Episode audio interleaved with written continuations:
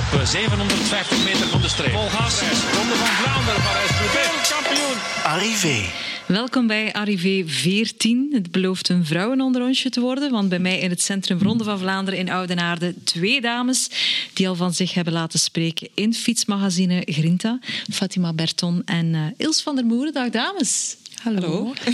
Uh, misschien voor we een uitgebreide introductie doen, ook toch maar eens hallo zeggen aan onze hoofdredacteur van Green Cycling, ja. Frederik Bakeland. Gelukkig is de technicus ook van het uh, mannelijke geslacht. Anders had je hier voor spek ja. en bonen bij, zeker. Inderdaad, ja. ja. Ik ga het dus aan jou overlaten. Zeg eens, wie is Fatima en wie is Ils? Ils van der Moeren is uh, een van de beste Gran Fondo-rijdsters in Europa. Zeker in België, de beste. Dus uh, heeft al een ruim palmares verzameld.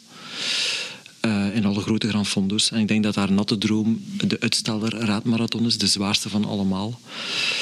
Al gewonnen? Uh, gewonnen nog niet. Maar het was tweede, hè? Tweede, tweede is uh, tweede geworden de laatste keer op één minuut van de winnares. Ja, ja. ja. Dus, dus, ja, dus heel straffe Heel straffe kost, ja. En Fatima? En uh, Fatima is eigenlijk ons uh, huismodel. Onze mannequin van alle Grinta shot modebijlages en uh, sinds jaar en dag. En uh, ik weet eigenlijk niet hoe dat we ze hebben leren kennen. Hoe hebben we ze eigenlijk leren kennen? Dat weet ik niet meer. Maar in ieder geval... Ongetwijfeld toen jij weer alle schone vrouwen op Instagram aan het waarschijnlijk. swipen dat was. Zal, dat zal, die moeten we hebben. Die moeten we hebben. en Fatima is natuurlijk influencer. Dus die heeft ongeveer 100 hoeveel, wacht, moet ik denken, hoeveel keer veel meer volgers dan ik?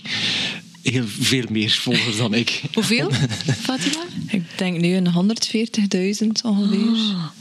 Ja, 140.000. En hoe heb je die verzameld?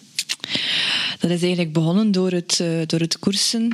Uh, tijdens de koers waren de, de sponsoren van de ploeg uh, op zoek naar iemand om hun materiaal in beeld te brengen. En dan kwamen ze bij mij uit. En uh, dan ben ik bij het merk Gripkrap gestart met een fotoshoot, want mijn man was eigenlijk ook mee.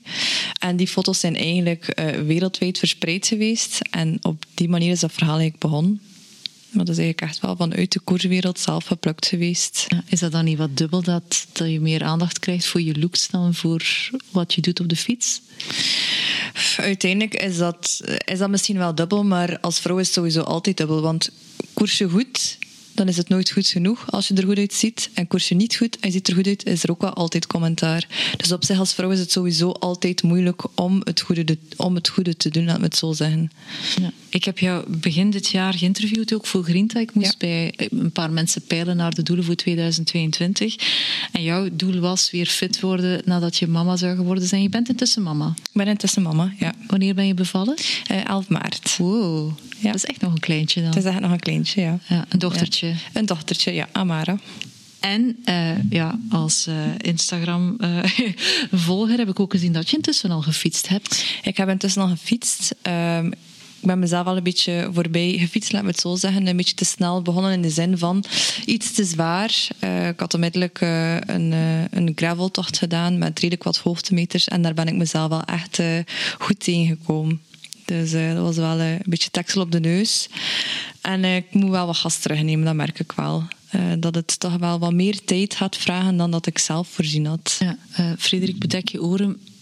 Ja, oké. Okay. Ja, okay. ja is toch ook niet evident dat op zo'n korte tijd alles daar van onder al herschikt is om, om lang in het zadel te zitten? Um, ik, kan, kan daar niet, niet goed van meespreken, want uiteindelijk heb ik een natuurlijke, normale bevalling gehad. Dus uh, ik ben daar van onder niet genaaid of geknipt of zo. Um, dus voor mij was het herstel sowieso al een heel stuk vlotter dan voor iemand die dat natuurlijk wel heeft meegemaakt. Um, ze zeggen sowieso dat je na zes weken uh, mag sporten, maar ik denk uiteindelijk inderdaad, als, als het daar van onder serieus heeft afgezien om op een zadel te zitten, dat het inderdaad moeilijk is. Maar ik merk ook wel dat mijn bekken nog niet helemaal hersteld is. Want lang in die positie, positie zitten, dan voel je uiteindelijk wel. Ja. En veel conditie kwijt? Ja, toch wel. Het is echt confronterend. Het doet ook pijn om, mentaal gezien, om te weten wat ik vroeger kon, wat ik ervoor kon en wat ik nu niet meer kan. En dat ik terug eigenlijk ergens een beetje van nul moet opbouwen. Ondanks dat ik tijdens de zwangerschap wel ben blijven fietsen. Dus ja, dat is wel uh, heel confronterend. Heb jij kinderen, Niels? Nee, ik heb geen kinderen. Ja. En ooit lang oud geweest omwille van omstandigheden? Um, ik ben wel ooit een tijd oud geweest met een gebroken schouder. Maar dat is eigenlijk het enige. Maar dan ben ik wel vrij snel terug op uh, de tekst binnen beginnen fietsen. Al was het met een half uur. Geen gewoon... merknamen noemen, hè. geen merknamen noemen. In deze podcast worden er gewoon geen merknamen. binnen op de Terwijl hij van zijn Pepsi drinkt. Ja. Oké. Uh, gewoon conditie onderhouden en de, gewoon terug beginnen met een kwartiertje. Want ja, ik moet zeggen, als je echt een arm tegen een buik moet houden op één arm, je bent totaal het evenwicht. Uh, je zit overal te wringen en te doen. Je wilt nergens een blessure oplopen. Maar je wilt ook die conditie onderhouden. Dus ja, je begint maar en elk uurtje is dan goed. De kopken heeft het nodig. Ja, de kopken heeft dat nodig. Ja. Die, ja, je moet een energie kwijt. Hè. Ja. En hoe belangrijk is dat voor jou om nu als uh, ja, zelfs piepjonge mama toch opnieuw dat fietsen te gaan oppikken?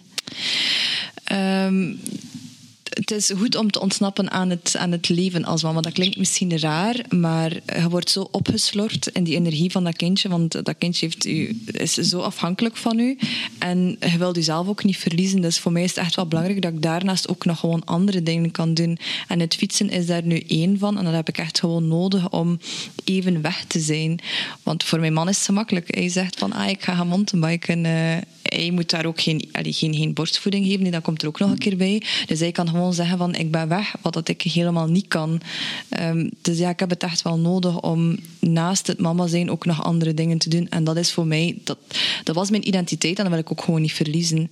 Zeker weten dat er, als er nu uh, vrouwen gaan luisteren, dat daarbij gaan zijn van oh, heiligschennis, allee, je moet ja. daarvan genieten en alleen maar mama zijn. Toch? Het, is, het is niet omdat je gaat gaan fietsen dat je niet geniet van het mama zijn. En dat is een beetje de, de verkeerde opvatting. Het is niet omdat je mama bent geworden dat het, dat het leven plotseling stopt en dat je alleen maar mama moet zijn. En inderdaad, misschien gaan er tussen zitten die uh, een andere mening zijn toegedaan en andere meningen zijn, zijn altijd toege, toegelaten. Maar ik ben van mening dat je naast het mama zijn ook nog andere dingen kunt doen. Uh, er zijn genoeg nu profrensters die het tegendeel bewijzen en ik denk dat dat ook wel nodig is om die boodschap te brengen naar, naar de anderen toe. Want hoe meer mensen die openstaan voor het idee, hoe gemakkelijker dat het ook gaat aanvaard worden om het te doen. Want uiteindelijk, ja, het is niet dat je je kindje achterlaat of dat je het ja, in de steek laat. Nee, je moet ook gewoon nog een beetje zorgen voor jezelf.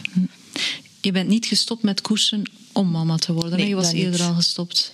Ja, uh, vlak voor corona, de laatste, het laatste seizoen dat ik heb gereden, ben ik heel zwaar gevallen. En dat heeft toch wel iets gedaan met mij. Uh, ik had een beetje schrik om uh, het jaar erachter terug, want het was eigenlijk twee jaar na elkaar zwaar ben gevallen, het jaar erachter terug te vallen. En ik stond toen ook op troon en ik dacht van ja, in een trouwkleed helemaal ingepakt, dat wil ik niet. Dus dan heb ik nog gekoerst, denk ik, tot april. En dan ben ik gestopt, ben ik wel blijven fietsen. heb ik zelf heel veel gefietst, want ik denk dat ik dat jaar uh, 20.000 kilometer heb gefietst. Um, dan is corona gekomen, dan is eigenlijk alles een beetje op de lange baan geschoven. Want het was ook niet gemakkelijk om toen te koersen. Uh, gaat het wel doorgaan, gaat het niet doorgaan? Ik was toen ook ingeschreven voor de Grand Fondo, um, de Fondo. De eerste keer ja, is toen ook uitgesteld geweest. Dus, en zo is dat eigenlijk een beetje op de lange baan geschoven. Dan ben ik daar eigenlijk mee gestopt en ja, dan nu mama geworden. Ja. Dus ben ik eigenlijk door omstandigheden eruit gerold, laten we het zo ja, zeggen. Maar Ilse gaat je ongetwijfeld weer hoesting doen krijgen, hè, nu als we gaan ja. praten over Grand Fondo's. Heb je ook nog gewoon gekoerst? Ik heb nooit gewoon gekoerst. Nee, ik ben eigenlijk pas beginnen fietsen op mijn 36. Uh, vroeger ging ik lopen. Ik ben altijd sportief geweest. En dan waren zo afstanden 10 mijl. Maar op een gegeven moment heb ik uh, ja, met feesten Achillespees afgescheurd. En kon ik niet meer gaan lopen door slechte behandeling daarvan. En ben ik beginnen fietsen. En eigenlijk met mijn broer op pad gegaan en die ging een Gran Fondo rijden, meegegaan. Dat was trouwens een trois ballon. En gewoon verrassend derde geworden. En ben Als er eigenlijk eerste gewoon, wedstrijd? Ja, eerste Amai. wedstrijd. Oh. Ja, derde aangekomen. En, en zo ben ik daarin begeleiding of zo voor gehad? Gewoon puur op, op feeling? En... Gewoon op feeling, ja. Want eigenlijk Amai. had mijn broer ingeschreven samen met een vriend van hem. Die was ziek geworden. En dus moest hem alleen en had geen zin om alleen te gaan. En ik had gewoon gevraagd van, ga ik dat kunnen? Hij zei, jot, jij kunt dat zeker. En ben gewoon meegegaan. Camelback op mijn rug. Op 100 kilometer kreeg ik een banaan en twee drinkbussen. Dat had hem geregeld voor mij. En ik was derde. En zo ben ik daarmee begonnen. En toen dacht je, hier moet ik iets mee doen. Ja, dat was keiplezant. ja, en dat motiveert dan als het goed gaat. En ja, je geniet daar gewoon van. Hè. Je sport graag, je fietst graag. En ik kende eigenlijk totaal dat Gran Fondo-wereldje niet. Dat was totaal onbekend voor mij. Ja, koersen nooit gedaan. Uh, ik was dan ondertussen ook al 6, 37. Ja, daar dacht je dan ook niet aan. En eigenlijk ook nooit beseft dat je goed bergop kon fietsen of zo. Nee. Nooit aan gedacht om de koersen Hoe zit dat momenteel in de Grand Fondo-wereld met aantal dames die meedoen? Want in, in hey, het gewone fietsen en, en, in de koerswereld is dat wel upcoming. Maar hoe zit dat in de Grand Fondo-wereld? Eh, ik merk wel dat nu de laatste jaren... en zelfs vorige week ook, als ik dan zo een georganiseerde rit ga rijden, dat er veel meer vrouwen zijn. Ja, de eerste jaren dat ik die Grand Fondos reed, waren er heel weinig uh, vrouwen die dat er aan deelnamen. Maar ik vind, en ben er blij voor dat er meer en meer vrouwen komen. Maar ook op, op topniveau dan in die Grand Fondos? Uh, toch wel, want ik kom meer en meer andere vrouwen tegen die ik van tevoren nooit gezien heb. En ik vind dat heel tof. Ja, ik ben er heel blij voor. Want ik was eigenlijk uh, een aantal jaren geleden had ik zo de indruk van dat is hier een uitstervend ras misschien nog niet echt, maar ah, ja? ik vond eigenlijk dat er heel weinig vrouwen waren. En ja, dat had zo echt uh, wat motivatie nodig voor de vrouwen voor daaraan deel te nemen. Ik weet niet waar dat die Ay, waar ze schrik van hadden, misschien een afstand, de uren training of zo. En ja, dus zoals jij zegt, van, er zijn veel vrouwen die zijn mama. Ja, je moet het ook kunnen combineren. Mama zijn, het fietsen, het trainen. Ja, eigenlijk moet je daar met heel het gezin achter staan. En ja. ik denk dat dat perfect mogelijk is. Vrouw, vrouwen kunnen ook niet zoveel afzien. Hè. Dat is... Wie draagt, wie draagt dat buiten? dat is een grap. Nee, nee. Nee, maar, Neem ik terug. um, u hoort bij, bij de mannen dan die Gran Fondos rijden dat daar vaak ex-profs aan meedoen. Ja. Zie je daar ook soms vrouwelijke ex-profs verschijnen? Um, tot nu toe, ja, zowel... Um, de jongere categorie. De jongere categorie ja. en de medio-afstanden wel. Hmm. Want ik heb nu dit jaar de Voskes gereden. En daar was een... Um, Je hebt van jouw oorsprong uh, Ierse. gewonnen, dacht ik, ja? Ja. en die was tweede. Uh, dat was een ex-prof. En dan degene, de Zwitserse die eerst was, uh, die heeft ook elite-renster geweest in Zwitserland. Ja. En toch denk ik dat de Gran Fondo-wereld een beetje onder druk staat Ja. tegenwoordig. Ik denk dat het de gravel ge gebeuren allemaal, uh, dat dat toch wel veel afsnoept Ja. van, uh, van de Gran Fondo's. Dat de Gran Fondo's zich opnieuw een beetje moeten heruitvinden. Dat heb ik wel de indruk. Dat niet zo eenvoudig meer is. Behalve voor de, voor de echte top Gran Fondo's natuurlijk. De Mallorca 312 en de Maratona. Daar zijn er dubbel zoveel uh, inschrijvingen dan dat er plaatsen zijn. Maar ik denk voor alle andere Gran, uitstel ook, maar alle andere Gran Fondos is het toch Ja. wel moeilijker om, om alles makkelijk gevuld te krijgen. Want het is ook niet zo evident. En hè. het is duur, Als je, En het ja, is duur, het is duur. En ook Alpen, Pyreneeën, Ja, waar ja. het ook is. Je verliest wel heel veel vakantie als je, Je er eh, veel een stuk of vakantie. vijf wil en, rijden. en nogmaals, nu in deze tijden toch wel heel erg duur. Hè? Toch echt wel duur. Ik bedoel, uh, om een Gran Fondo deel te nemen, 100, ja, 120 euro, Ja. is al niet zo... Uh, Ja, is toch dus vrij courant eigenlijk ja. tegenwoordig. Dus, ehm, En hoe zit het met podiumprijzen? Is dat nog altijd zo dat je daar niet meer dan een paar wielen uit kan sleuren als je podium Eh, haalt? als je al een paar wielen krijgt, dan Oh. moet je al heel blij zijn, denk is ik. nog altijd zo. Ja, ik heb... eh, de eerste jaren dat ik dat deed, waren er nog podiumprijzen. Maar nee, de uitstander die geven nog eh, deftige prijzen, vind ik. Maar voor de rest in de Gran Fondo, nee. We kunnen eigenlijk ge- best geen prijs verwachten. Nee. En zijn er voor jou Grand Fondos die eruit springen? Die je ook aan ja, mensen die aan het luisteren zijn naar deze podcast zou kunnen tippen van als je er twee of drie moet uitkiezen, kies dan deze? Ik vind voor mij nog altijd een uitstaler een topper qua beleving. En voor de rest zijn er ehm, zeker kleinere granfondo's, minder bekende, die top georganiseerd zijn en waar dat de beleving heel goed is, vind ik. Ik heb zo vorig jaar de La Vache qui rit gereden. En ja, dat is gewoon kei tof. Iedereen met dezelfde truiken aan, met die koe op. Dat bestond zoveel jaren aan de aankomst. Eh, heel toffe... En waar, eh, waar is dat daar eens? La Vache qui rit, dat was in de... Ja, welke streek was het weer? Het was eigenlijk niet zo ver rijden. Ik ben aan al zeker dat het in Frankrijk zal zijn. Frankrijk is het, ja. Dat is al iets. Ding, ding. Eh, in de? Savoie was dat. In de Savoie, Ja, de Alpen. niet zo ver rijden. Maar ja, aan de aankomst ook heel veel ambiance, tof geamuseerd. eh, toffe kraampjes, zoals nieuwe merken die dat je dan leert kennen. Lokale producten kunt je daar kopen. ehm, en aan de aankomst ook. Dus allee, dan is dat een totaalbeleving. Dan is dat nog wat vakantiegevoel. En zo'n Grand Fondos vind ik wel kei Maar, maar ja. de uitstaler, om op die beleving terug te komen, Ja. het bijzondere aan de uitstaler is altijd de, de- ja, de podiumceremonie eigenlijk op, Ja. op het einde van de dag. Dus je hebt, het is een enorm zware cyclo, want na 180 kilometer beginnen we nog aan de Timmelsjoch. En dat is echt een, een vreselijk, eh, een vreselijk ding. Van mij mag het eigenlijk eindigen na 180 kilometer. Helaas nog die een Timmelsjoch over. En, eh, maar de allerlaatste in de race wordt eh, eigenlijk met... eh, als, als een triomftocht Ja, is dat bijna, ja, wordt hij ja. binnengehaald, hij of zij, en wordt hij dan in een, en meestal heeft hij dan zo'n warmtedeken al aan, en dan wordt hij daar in die zaal waar iedereen zit te eten of de podiumceremonie aan het volgen is, dat is meestal om acht uur s'avonds of zo, komt Ja. hij of zij daar binnen en wordt hij op het podium geleid en wordt hij daar eigenlijk gehuldigd als zijnde dat de winnaar is of de winnares is van, eh, Ja, de, de eerste en de laatste, die huldiging, is Ja. eigenlijk even groot. Het is Ja. ongelooflijk. Het is waar, denk ik, hè, voor Fatima om mee te beginnen dit jaar. Eh, tot aan de Beginnen, dat zou, daar, nee, mijn dienen zou ik niet beginnen. Wat is zo'n goede instap Gran Fondo voor iemand die het de eerste keer wil doen? Eh, ik zou vooral naar de hoogtemeters in totaal kijken. Ja, je hebt de Mediofondo, de Gramfondo. Eh, maar de Vogezen, daar zijn de beklimmingen minder lang. eh, tegenover de Alpen.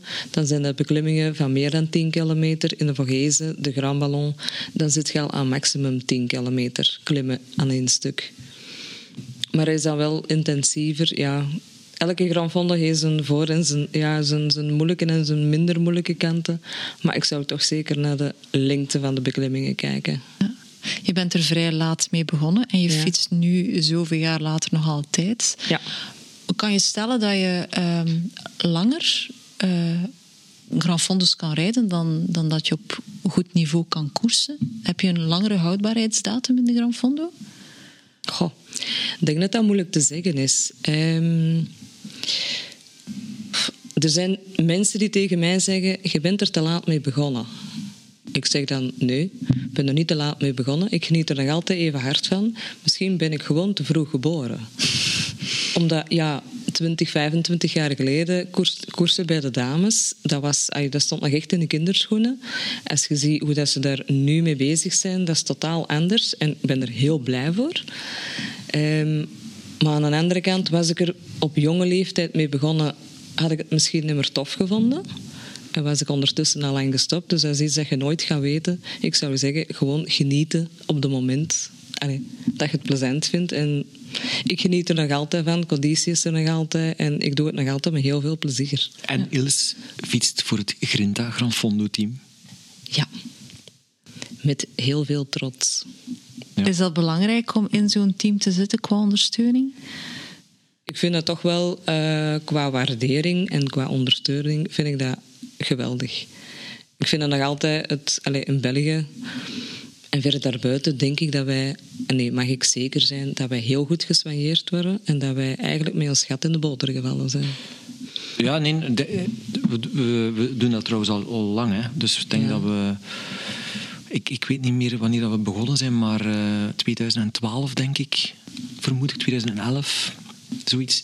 Begonnen met het eh Grinta Gran Fondo team. En... ehm, dus we hebben al heel wat campagnes achter de rug. En Ils gaat nu toch ook al een paar jaar mee in ons team. Ja. En nu is samen met Tim Alleman en met eh, Frederik Glorieux, ook een bekende naam natuurlijk. Twee bekende namen uit het uh, cyclowereldje. En ik heb dat eigenlijk altijd eh, een hele leuke wereld ge- gevonden om te, om te ondersteunen. Omdat het eigenlijk de twee combineert. Hè. Enerzijds het streven naar een, een topprestatie En, en anderzijds ook het, eh, het genieten. Als je niet die een beste chrono hebt, ja, dan heb je toch ook die een tocht gereden en kun je er toch nog altijd voldoening uit, uit halen. Dus die twee uh, walletjes eigenlijk, die, die, waar dan een Gran Fondo van eet, of van een Gran Fondist van eet, vind ik wel, um, vind ik wel heel leuk. Ja, en daarom hebben we dat altijd ondersteund. En we hebben uh, de intentie, om, we hebben eigenlijk altijd de happy few een beetje gesteund, zijn de, de toppers. En we willen eigenlijk graag, zeker richting volgend jaar dan, toch wel naar een ruimer verhaal gaan. Dus toch een, een, een ik zeg niet een B-team wil ik het ook niet zijn, maar een, een ruimere community creëren rondom Illes, Frederik en Tim. En hopelijk dat we dat kunnen realiseren. En in welke zin dan? Uh, waarbij dat, uh, dat er een beetje. Er zijn nog projecten die zo werken. Hè. Granfondoteam.be bijvoorbeeld. Maar zo zijn er nog een aantal verhalen waarbij dat mensen kunnen intekenen op bepaalde pakketten en, en daar iets in ruil voor krijgen. Garandeerde tickets voor bepaalde Granfondo's. Ehm, waarbij dat bijvoorbeeld een, een, een, een, een travelpartij, dus een, een touroperator wordt betrokken, of waarbij een en uh, ja, kan gewerkt worden aan het traject richting het trainingstraject richting de Grand Fondo, waarbij, dat, waarbij wij dat traject ook een beetje faciliteren of ondersteunen. Dus in die zin.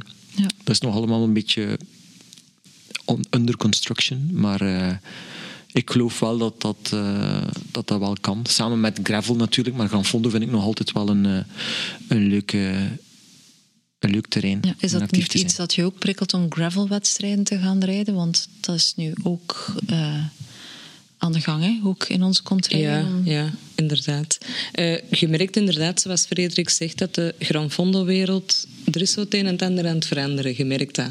En ik denk dat dat misschien ook met de coronaperiode te maken heeft.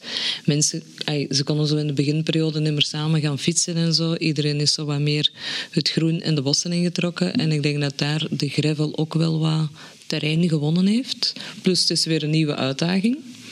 Granfondo is al zoveel jaren actief en ja, de, ze willen wel eens iets anders proberen. Ja, en het zijn ook de, de echt, je ziet het, de Granfondos die het best doen, hebben een bijzonder verhaal te vertellen. dus de, de Mallorca 312 bijvoorbeeld is, is, toch enorm gegroeid mm -hmm. voorbij vijf jaar. Um, de Maratona in de Dolomieten is ook nog altijd uh, echt wel een, een topper. Je ziet aan het aantal uh, deelnemers en de uitstaller, ja, omdat die zich als de zwaarste profileert. Die gaat trouwens iets vroeger komen ja, volgend jaar, in juli denk ik.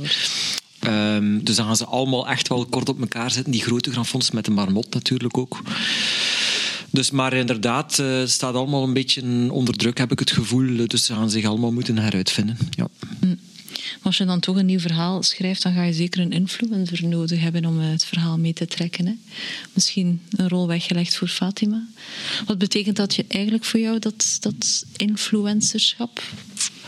Ik zie dat niet zo strikt, uh, of ik zie mezelf toch zo niet. Bij mij is eigenlijk gewoon, ik deel eigenlijk wat, wat, wat ik graag doe, en dat is fietsen en, en het sporten in het algemeen. Want je koerst niet meer, maar die bedrijven blijven meer. jou wel opzoeken. Ja, omdat uh, uiteindelijk fiets ik wel nog heel veel. En uh, bij mij was het vooral de combinatie met mijn werk en um, uh, en het fietsen op zich. Want ik werk uh, vijf verschillende shiften om dan nog te kunnen fietsen en de hoeveelheid dat ik fietste. Bij de politie? Ja. Um, was uiteindelijk voor hen wel een, een, een mooi verhaal om ook aan te tonen dat, dat je niet hoeft te koersen om een verhaal te vertellen te hebben. Um, voor mij is dat een onbekende wereld. Word jij dan ja. betaald of krijg je dan gewoon gratis spullen? Of hoe zit dat dan? Het is een beetje afhankelijk van bedrijf tot bedrijf uh, en wat dat zij ook verwachten. Um, soms is dat betaald, soms is dat gewoon uh, items die, die worden gegeven. Uiteindelijk moet je het eigenlijk een beetje zien als, uh, als een reclamepaneel. Um, jouw, jouw platform, platform wordt gebruikt om gezien te worden door verschillende bedrijven. Um, ja, eigenlijk ja, ik zie, het, ik zie het helemaal anders. Ik zie het gewoon van, ah, ik doe mijn ding en ik fiets en ik heb daar plezier in. En het is mooi meegenomen dat de bedrijven dat ook zo zien. Maar nu zie je bijvoorbeeld ook met Scott, um, ja, mijn dochter is geboren en dan zien zij daar al de, de, de volgende future champion in. Dus ja, het, gaat zo snel en... Um, Dat is gewoon ja, een, een trein die een bepaalde vaart heeft dat je gewoon opzet. En dat is go with the flow en dan zie je wel wat er van komt. Ja, maar dat is dan ook met professionele omkadering van professionele fotografen die, die dan langskomen? Of hoe werkt Ehm, dat? afhankelijk van eh, het bedrijf, maar meestal is dat gewoon eh, ikzelf of mijn man die foto's neemt op een fietsritje of als we ergens naartoe gaan.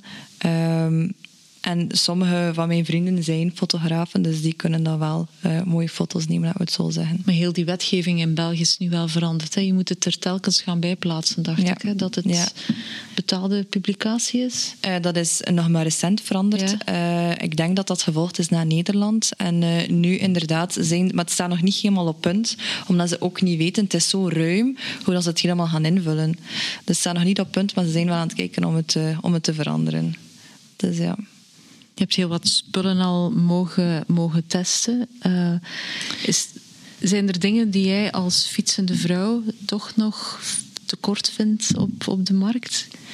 Ehm, ik had een groot probleem met zadels. Ehm, ik ben bij één bepaald merk gebleven waar ik niet van ben gesponsord, bijvoorbeeld. En dan zeg ik dat ook tegen de mensen.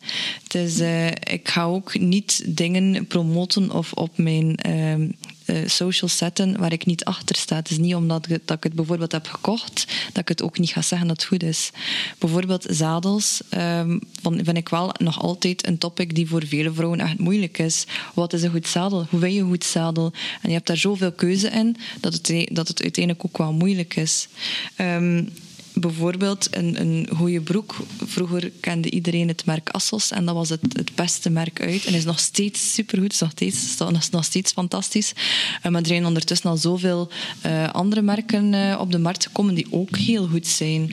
En ik, ben, ik heb bijvoorbeeld het geluk gehad om een van die bepaalde merken van in de kinderschoenen mee te krijgen. En nu is dat uitgegroeid tot, uitgegroeid tot een van de grotere merken. Zeg het Die, maar, zeg het maar.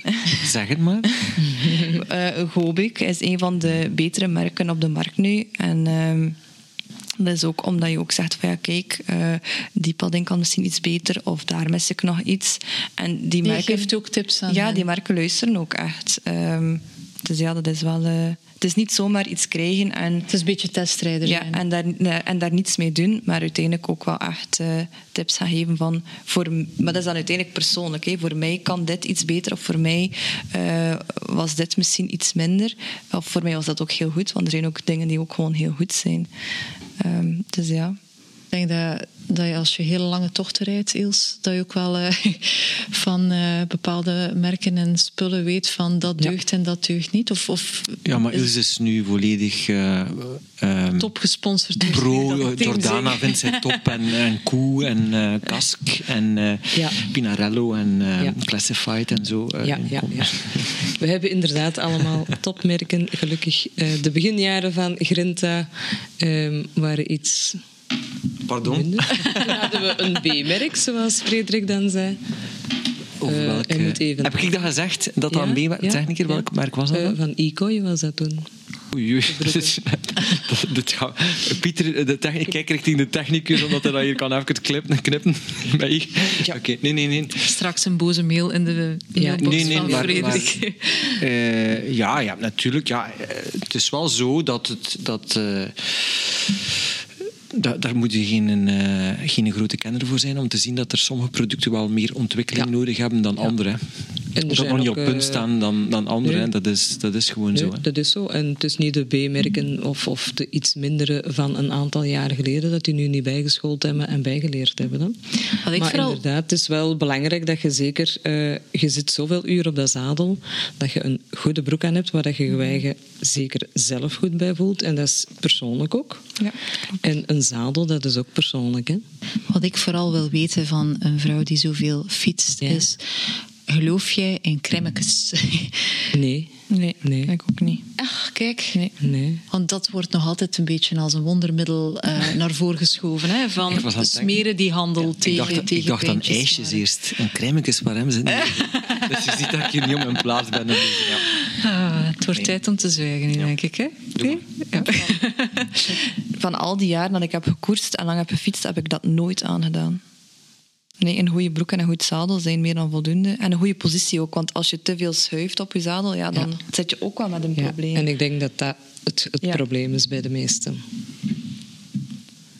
Gewoon uw positie, de combinatie, de positie, zadel en een goede broek. Eh, dat je vooral niet zit te schuiven, want het is de plaatsen waar je schuift dat je... Klopt. Ja, Dat is waar. core stability om Ja. te zorgen Ja. dat dat bekken Dat en, en traptechniek ook. Ja. Dus het Ja. heeft allemaal met elkaar te maken. Jij smeert ook niet? Of wel? Jawel. Toch? Ja. Ik doe dat wel. Er is zoveel op de markt, hè? Ja. Maar goed, dat, dat maakt mij, ik, daar ben ik eh, vrij eh, Ja. ongevoelig ik, voor. vind, ik, ik, ik, ik weet soms niet wat ik ervan moet geloven, want soms heb ik wel het gevoel in de winter van oké, dat, dat brengt extra comfort, maar meestal in de zomer, als het wat warmer is, zweet ik daar gewoon meer door en krijg ik nog meer irritatie, is mijn indruk. Persoonlijk geen last van, maar dat, is ook, dat zal dus inderdaad ook wel weer persoonlijk zijn. Ja. Maar van andere crèmetjes, als het is om, op, eh, om van te, te likken of op te scheppen, dan, dan zijn we wel weer... eh, weer Ik dacht eh, eerst dat dus dat het daarover ging. Mijn vraag was ook, ik, nog een interessante, misschien had jij dat ook nog staan, jaloersheid. Krijgen jullie daar niet mee te maken? Want als je veel... Maar ja, bedoel, Is dat als je, erger bij vrouwen dan bij mannen? Nee, nee, nee. Dat, dat geldt voor alle influencers. Mensen die iets krijgen, dat is Ah, nu zo. eenmaal zo. Mensen die iets krijgen. Ilse in haar, in haar rol als, als Gran Eh, en, en Fatima ha- haar rol. Eh, ik vermoed dat er dan ook wel... allee, ervaar je dat? Ehm, op zich heb ik daar eigenlijk weinig last van, alhoewel dat er zeker jaloersheid is. Maar ik heb dan ook altijd zoiets van, ja, ehm gerespecteerd wat dat je krijgt van de sponsor. Je hebt er ook jaren voor moeten werken. Dat komt ook zomaar niet uit de lucht gevallen. En je, we- je waardeert dat enorm. Want op die manier kun je wel ten volle blijven genieten van een duur hobby. Want Gran Fondo rijden is en blijft een duur hobby. Als je, moet, eh, als je wilt presteren, je moet, ah, je moet, is het eigenlijk ook wel nodig dat je topmateriaal hebt. Zeker als je de snelheden in een uitstaler ziet, de afdalingen en zo. ehm, hey, dan mag dat toch wel een degelijk fietsje zijn waar je je veilig mee voelt. Is dat ook 100 plus, zoals Mathieu van der ja, Poel in de, ja, de Giro? Inderdaad, Echt? Inderdaad, Ja. ja. ja, Absoluut. Dus je hebt dat Wow. materiaal ook wel nodig. En ja, het is tegenwoordig allemaal pokkenduur. Hè? De Kutai bijvoorbeeld, die Ja. eerste, die, die is supersnel. Hè? Ja, zeker dat boven zit de boven 100. de 100. Win je een Gran Fondo, vooral in de afdalingen? Nee. Nee. Nee, nee, niet klimmen. Er zijn veel, spijtig genoeg zijn er veel die denken dat ze een Gran Fondo kunnen winnen met de afdalingen. maar daar ben ik niet altijd even happy mee, want dat zijn de meest gevaarlijke die dat er eigenlijk rondrijden. Maar die, die haalde het toch wel weer in zijn. Ja, die Een halen beetje terug in een berg op en dan rijden ze eerst in een pad en dan moeten ze weer terug inhalen. Nee, je wint niet in de En afdaling. kreeg je daar geen reactie op zo van, van, van mannen? Want je bent een zeer sterke rijdster en laat heel massas mannen achter u natuurlijk. Ja, ja. Kreeg je daar niet Ehm, zo... Ja, er zijn mannen die daar inderdaad niet tegen kunnen. Eh, maar ik heb er ook een bepaalde techniek in, in bergoprijden. En dat is? maar ja, bergoprijden, iedereen doet dat op zijn eigen tempo. En ze zeggen altijd van mij van, jij rijdt altijd op kop bergop. En ik heb ze nooit uitgelegd waarom dat ik dat eigenlijk doe. En dat is gewoon, dan heb je altijd je eigen tempo. Als er iemand voor u rijdt, dat kan ja, een tiende per uur te snel zijn, maar dan houd jij niet vol 10, 20 kilometer aan een stuk. Dat gaat niet. Maar het feit dat, je dan, dat ze vaststellen dat je altijd op kop rijdt, Ja. wil dat dan zijn dat, je- dat je rapper rijdt dan hen. Hè. Ze hebben geen goesting en om ze willen dan nemen. volgen en ze Ja. proberen te Ja. volgen en dat lukt dan niet. En ja, zoals op de Grand Ballon, je vertrekt misschien met een groepje van 15 of zo en op het eind, ja, dan hangen er nog een paar aan. Maar ja, die, die zijn dan niet op hun tempo aan het rijden en dat is sowieso moeilijker. Misschien is dat een idee voor het volgende eh, shirt hè, van het team. Zo voor de dames dan achteraan op de rug geschreven, zo gecheckt. Voor degenen die dan in het... Het shirt- Het shirt is in de maak en zou normaal gezien rond deze tijd ongeveer moeten Ja, aankomen. Dus oké. we hebben net het echte eerste Gran Fondo, of eerste Gran Fondo's misschien gemist. Maar voor de top Fondo's zal alles er zijn. Ja, komt eraan. Ja, mannen en gecheckt worden, het is iets lastigs. Ja. hè. In de Yuzu Gravel Abdijentocht onlangs was ik eh, twee mannen, en ik ben absoluut niet in vorm momenteel, maar ik haal twee mannen in. En die eerste laat zich inhalen, maar die tweede kan het niet verdragen. En ik voel zo, Ja, dat voorste dat dat blijft zo vooraan steken. En ik denk, ja, erop en erover. Bleek na de volgende bocht die gravelstrook nog twee kilometer te duren. Ik heb gevloekt en bleef hangen. Hè. Enfin, dat is dan te veel de macho willen uithangen ook. Hè. Als je het zo allemaal hoort, zinnen? Ja, ik mis het toch wel. Maar eh, ik zeg het, ik ga mezelf eerst wat tijd moeten geven om terug eh, wat conditie op te bouwen. En ook niet te snel willen gaan. Ik denk dat dat eh, voor mij nu vooral het belangrijkste is. Dan heb ik eigenlijk een idee. Eh, mag ik al vertellen over het eh, ladies event waar wij... ik kan, kan nog geen vraag, Ja? alleen niet geen vraag, maar een opmerking, en misschien nog een, een, eh, een interessante zijsprong in het debat. Ehm, gaat over eh, de combinatie tussen, of de, de rol die influencers hebben versus de rol die journalistiek heeft. Je, je spreekt daar tegen, je spreekt over testen enzovoort. Ja? Ik heb geen, geen enkel probleem met influencers, hè. absoluut niet. Ik, spreek natuurlijk vanuit mijn rol vanuit als hoofdredacteur of uitgever van bladen, waarbij dat we, zeker als het gaat over recensies en over het recenseren van allerlei producten, ook van tochten enzovoort, eh, moeten kunnen onze opinie zeggen en zeggen waarop het staat. Anders is onze, gooien we onze credibiliteit te grabbel en dan zal het ook niet blijven duren. Nog Grinta, nog Cycling, die twee bladen die we maken. Of wat we ook schrijven op, op onze platformen. Dus ik denk uh, veel, veel adverteerders van onze mediatitels. Um, je ziet dat ook verschuiven, die budgetten. Maar we werken natuurlijk met hun budgetten. Zij, zij investeren in ons, zij investeren in allerlei campagnes. Zij investeren ook tegenwoordig, en de jongste jaren meer en meer, in influencers. En ik denk niet dat ik geloof echt stellig dat die daar een rol in te spelen hebben. En ik vind dat ook goed. Er zijn er nog heel veel fietsinfluencers in Vlaanderen en in Nederland, in onze markten. Uh, maar het is altijd, volgens mij is het goed om in combinatie met toch een, een, een, een medium als het onze, of een ander medium, maakt niet uit, journalistiek is toch nog iets anders. Omdat een influencer... Bij Fatima is misschien anders, omdat ze... Gobiek bijvoorbeeld, is, gaat ze, is heeft misschien een andere filosofie daartegenover. Maar je merkt dat er heel veel influencers toch van de hak op de tak springen. En dus van het ene merk naar het andere hoppen. En dan is dit goed, en dan is dat goed, en dan is dat goed. En dat kan allemaal wel goed zijn. Maar ik denk dat, dat journalistiek daar toch een andere rol in speelt. Wij mogen ons daar niet aan... Uh... Oké, okay, wij, wij hebben met Grint en met Cycling ook wel speciale trajecten. Bijvoorbeeld het Grinta Gran Fondo team, waar dan specifieke partners aan verbonden zijn. En die honoreren we en die geven visibiliteit en coverage. Maar als het dan gaat over het pure recenseren, dan staat er helemaal los van. Product recenseren of ons, onze opinie zeggen over iets, dat moet nog altijd intact blijven. Ja. Want dat is moeilijk hè, voor die bedrijven als je kan kiezen tussen een samenwerking ja, met een wij, blad of nee, iemand nee, die 100.000 volgers Absoluut. heeft. Wij, Grinta, Grinta op Instagram heeft uh, 16.000 volgers. Hè. Fatima, Fatima heeft 140.000 volgers. Ze heeft misschien 100.000 Chinezen gekocht als volgers. dat zou ook kunnen. Maar in ieder geval, dat is heel aan, aan, aanlokkelijk natuurlijk. Ik begrijp dat dat, dat wel... Uh, uh, maar ik weet niet in hoeverre dat in uw geval betalend is enzovoort. Ik denk dat dat, dat, dat minder het geval is. Ja, ik denk omdat dat... ik ben ook een beetje atypisch in vergelijking met andere influencers. Omdat hetgeen dat je daar straks zei, van het de hak op de tak springen, ik krijg er de kriebels van. Ofwel ben je voor iets en sta je achter een bepaald item, ofwel niet. En je kan niet het ene jaar vol lof over merk A praten en uh, het jaar daarna over um, de concurrent. Dat, dat kan niet. Um, en dat is ook hetgeen dat, dat ik thuis met Thomas dan ook bespreek. Ik wil ook gewoon geloofwaardig overkomen, want je komt ook gewoon niet geloofwaardig over als je elke week bij manier van spreken zou veranderen naar iets anders. Ja, ik snap het punt dat je, dat je zegt, en er zijn daar anderen in, en dat maakt het ook heel moeilijk om als merk of als bedrijf er, um, ja, er, er, nog goed uit te komen, want uiteindelijk, ja, is het nog geloofwaardig, het Instagram-verhaal. En dat vind ik ook wel dat um, de term influencer wel een negatieve connotatie heeft op ja. dat vlak. En dat is heel moeilijk om dan daar voor mij zijnde positief uit te komen. Want ja, die krijgt toch alles en die doet dat toch maar omdat ze dat krijgt. Ja. Maar dat is helemaal niet zo. De merken die ik heb zijn ook merken waar ik ook echt achter sta.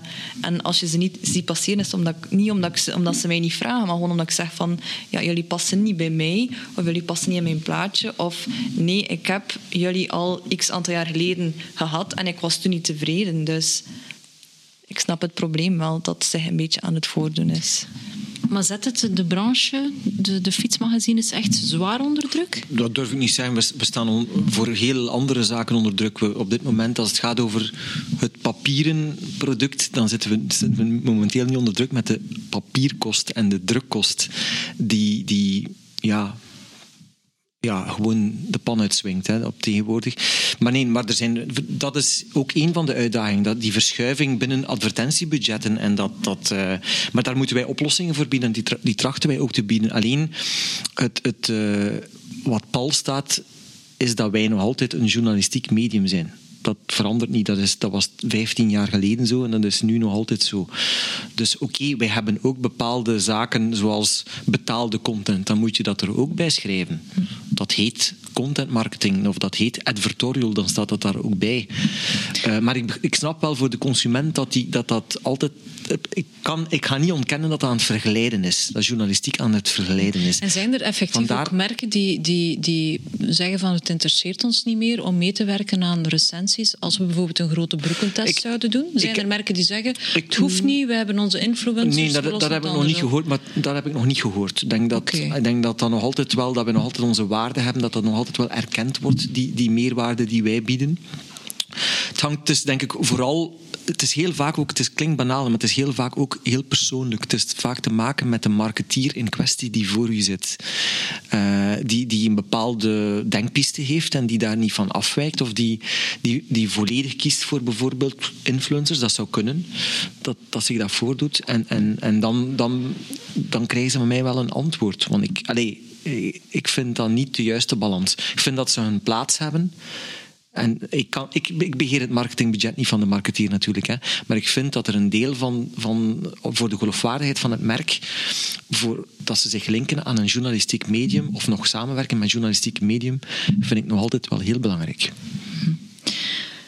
Ik wou de dames eigenlijk uitnodigen voor een, eh, een gloednieuw event waar wij ook mee partner van gaan worden. Het, eh, het ladies event van, eh, van Shimano, dat we gaan organiseren aan het Experience Center in, in Valkenburg. Het is gloednieuw. Het, is, het zou van de week online ook komen met alle uitleg erbij. Van 12 tot 14 augustus een eh, fietsvriendelijk event. En ik dacht, ik zit hier nu met twee geweldige dames die misschien ook andere dames willen aanzetten tot fietsen. Dus mochten jullie interesse hebben, misschien zin om mee te gaan. Lijkt me leuk. Met plezier. Ja. Ehm, wat ik al kan vertellen is eh, een driedaagse op vrijdag met heel wat infostanden met bikefitting, kledij, recu- recuperatie. Ehm, je kan daar de perfecte fietsschoen testen, foodtrucks. En dan zaterdag is het zwaartepunt van die driedaagse met eh, ritten voor zowel e-bike, mountainbike, gravel ook als racefiets. Eh, het zijn geen al te lange ritten. Bijvoorbeeld op de racefiets is de langste tocht 75. Dus ik denk dat het wel voor alle dames eh, doenbaar moet zijn. En op zondag vallen verschillende arrangementen te boeken. Ook fietsclinics, workshops, maar evengoed wellness als, als shopping. Wat mij iets minder interesseert, zou dan liever nog een extra dag gaan fietsen. Ehm, maar ze hebben, Shimano heeft eh, Marianne Vos en eh, Alice Ligley kunnen strikken. Een ex-Olympisch eh, medaillewinnares op, in het baanwielrennen. Ehm, ik denk dat het iets moois kan zijn. Zeker prachtige streek, ook Nederlands-Limburg. Het is een fantastische site in ieder geval. Hè. Ja. Locatie Shimano Experience Center. Wij organiseren daar ook een testdag in het najaar. Vorig jaar hebben we dat ook gedaan. En ik denk voor zo'n evenement... Het is ook een heel mooi hotel naast trouwens.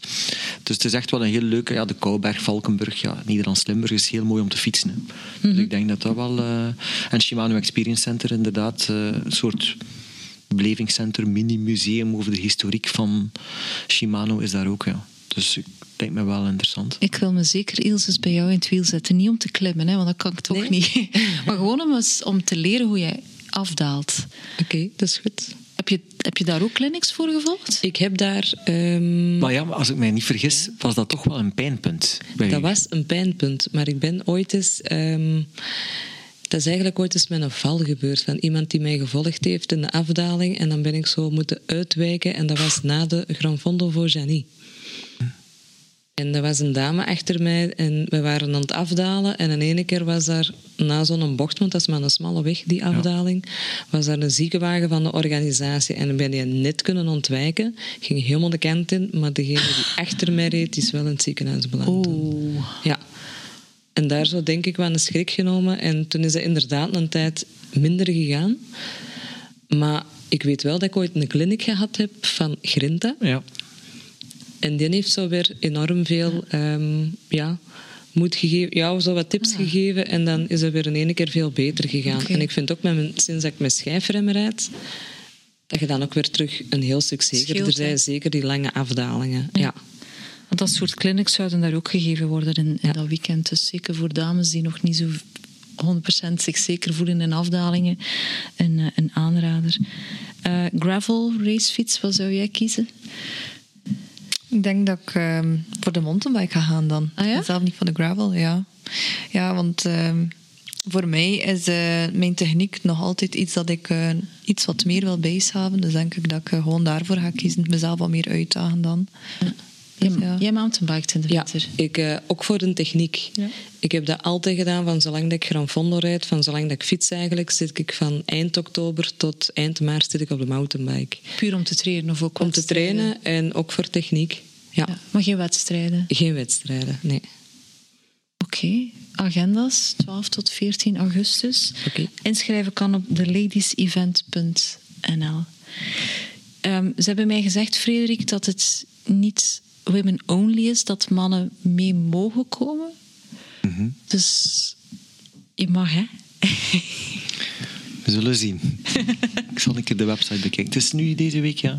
Of Ja, ergens het zou binnenkort? deze week eh, Oh, nee. online komen. Ik zal een keer kijken. Ja, en je hebt waarschijnlijk ook nog iets te vertellen hè, over ons. eh, ik moet altijd... Ik mag... Sorry, ik Je moet mag. niet. Ik mag, ik mag Ja. altijd iets over Saint-Raphaël. eh, ik vind altijd boeiende verhalen ook over vroeger. dus het is- bring it on. Ja, maar ik heb er al veel verteld. Hè, dus Ja. ik moet al een keer wat dieper in de archieven beginnen gaan. Zijn er geen vrouwenverhalen te Wel- vertellen over Saint Raphaël? Inderdaad, dat is nogal moeilijk. Hè? Want de, de ploeg heeft eh, bestaan tussen 54 en 64. Dus, allee, toen, toen een wielerploeg sponsorde, het aperitief kunnen dames drinken. Hè? Tot op vandaag. Geen enkel probleem. Dat is nog, dat is nog lekker. Hè? Je, je drinkt hem ook af en toe. Nee, ik drink Wel- al twee jaar geen alcohol. Nee, op een Epic Tournee. Niet geproefd? Serveren ze hem natuurlijk Ja, ik weet het. Niet geproefd. Nee. Dus zelfs geen druppel Nee. proeven, dat gaat niet Nee. in het hoofd. Oké. In ieder geval, het is, is best lekker hoor, een aperitief. Maar nee, ik heb geen... er is het geen... Er zit geen ja, onze, onze technicus... eh, Die drinkt er wel, Pieter ja. is aan, volgens mij heeft hij de mijne er ook eh, soldaat gemaakt. Ik drink er wekelijks eentje eigenlijk nu tegenwoordig. Ehm, nee, eh, dus geen vrouw inderdaad. Eh, we kunnen het wel hebben over de rennersvrouwen eventueel, maar... Nee, het- de, de tour komt eraan. Het is nu nog een tijdje wel, hè, maar de eerste tourgidsen, en wij werken ook aan ons tournummer trouwens, dus eh, die Tour de France komt eraan. Er komt trouwens een Tour de France voor dames, hè. die is daar nu ook opnieuw, na de Parijs-Roubaix voor vrouwen eh, vorig jaar, eh, is nu de Ronde van Frankrijk daar ook terug. Volwaardig, toch iets meer volwaardig dan het was. Dus dat is maar aan te moedigen. Ehm, ik had een verhaaltje over. eh, maar iedereen verwacht nu dat de Ronde van Frankrijk weer eh, gewonnen wordt. Voor de derde keer op rij door eh Tadej Pogacar. Jij niet? Dat verwacht iedereen. Dus ik, ik verwacht dat ook. Maar natuurlijk, een koers moet altijd gereden worden. En als je dan in het archief duikt, en ik probeer daar dan Saint-Raphaël aan te koppelen, was dat eigenlijk de bedoeling. Er was een renner in 1956, dus de periode dat Saint-Raphaël dus inderdaad eh, sponsor was van de wielerploeg. Een Franse renner met Poolse origine. En die heette Roger Walkowiak. En eh, dat was in de Ronde van Frankrijk. Die vielen eigenlijk een beetje zo... Je hebt altijd, na de heerschappij van een bepaalde coureur, heb je altijd zo'n aantal jaar in de Ronde van Frankrijk waarbij dat, dat er nog een nieuwe naam, een grote naam moet opstaan. We dachten dat dat met Bernal was nu en, en, en nu is het is eigenlijk Pogacar geworden. Maar in die tijd, Louison Bobet had, had vijf, eh, sorry, drie keer de Ronde van Frankrijk gewonnen. En in 1956, eh, ik denk niet dat hij deelnam toen, nee, nam niet deel. Was toch een beetje ja, een hiaat van wie gaat nu die, die, die Tour winnen. En, en er waren wel een aantal, een aantal favorieten, onder andere Nencini bijvoorbeeld. Ehm Stanokkers, onze eigen Stanokkers.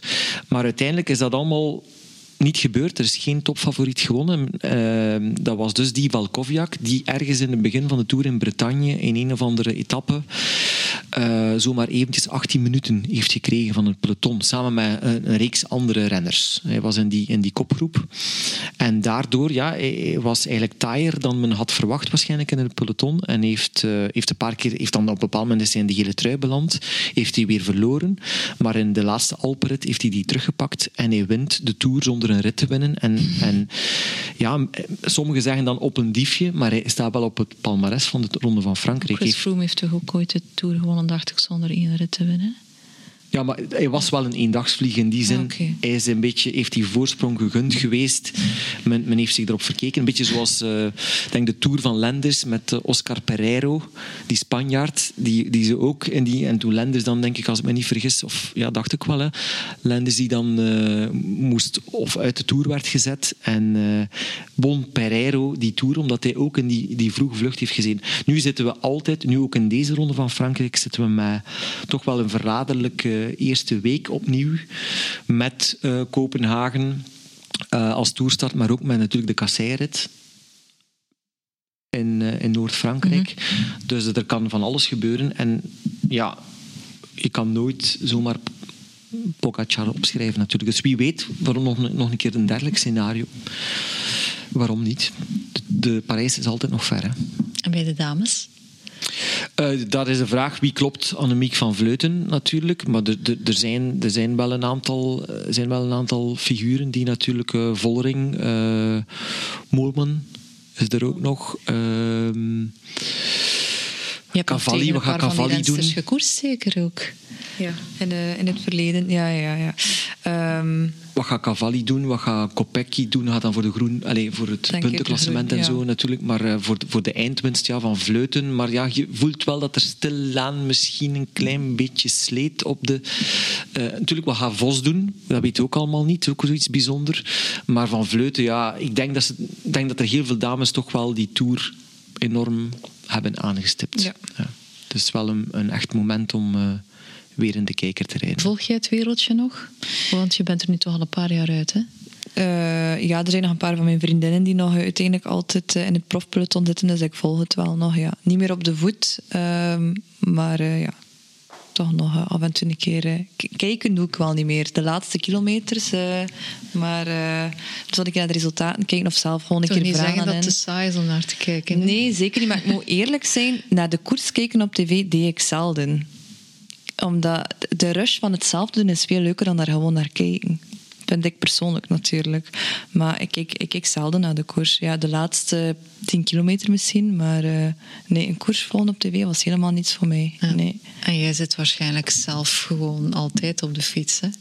Uh, ik zit zelf veel op de fiets inderdaad, voor die Grand Fondos te trainen. Maar eigenlijk hetzelfde. Ik kijk, naar de koers kijken, dat duurt gewoon veel te lang. Ja. Dat is te passief. En inderdaad, dat laatste stuk dood graag en, en het overzicht, maar heel de koers, nee. Nee, dat is raar. Ja. Ik hoor dat van meer mensen die zelf fietsen, maar een koers kijken, dat is precies te passief. Ik weet het niet. Ja, dus ze, ze doen er ja. natuurlijk alles aan om het wielrennen aantrekkelijker te maken ja. op tv. Uh, maar het is, het is wel zo dat er heel veel wedstrijden natuurlijk uh, ja, het kijken niet waard zijn. Hè. Dat is ook wel zo. Hè. Tuurlijk, maar als je echt liefhebber bent en je wil, en er is goede commentaar, er zijn goede analyses, goed co-commentaar, dan is het wel boeiend om te volgen. Ja. Uiteraard wel, voor, voor de mensen die echt geïnteresseerd zijn natuurlijk. Ik weet niet van buiten welke koers er gereden wordt van 12 tot 14 augustus, maar wij gaan niet kijken. Wij spreken af, Nederlands-Limburg. Oké. Okay. Ja. Voilà. Dames, okay. tot dan. Tot dan. Tot dan. En bedankt om te komen.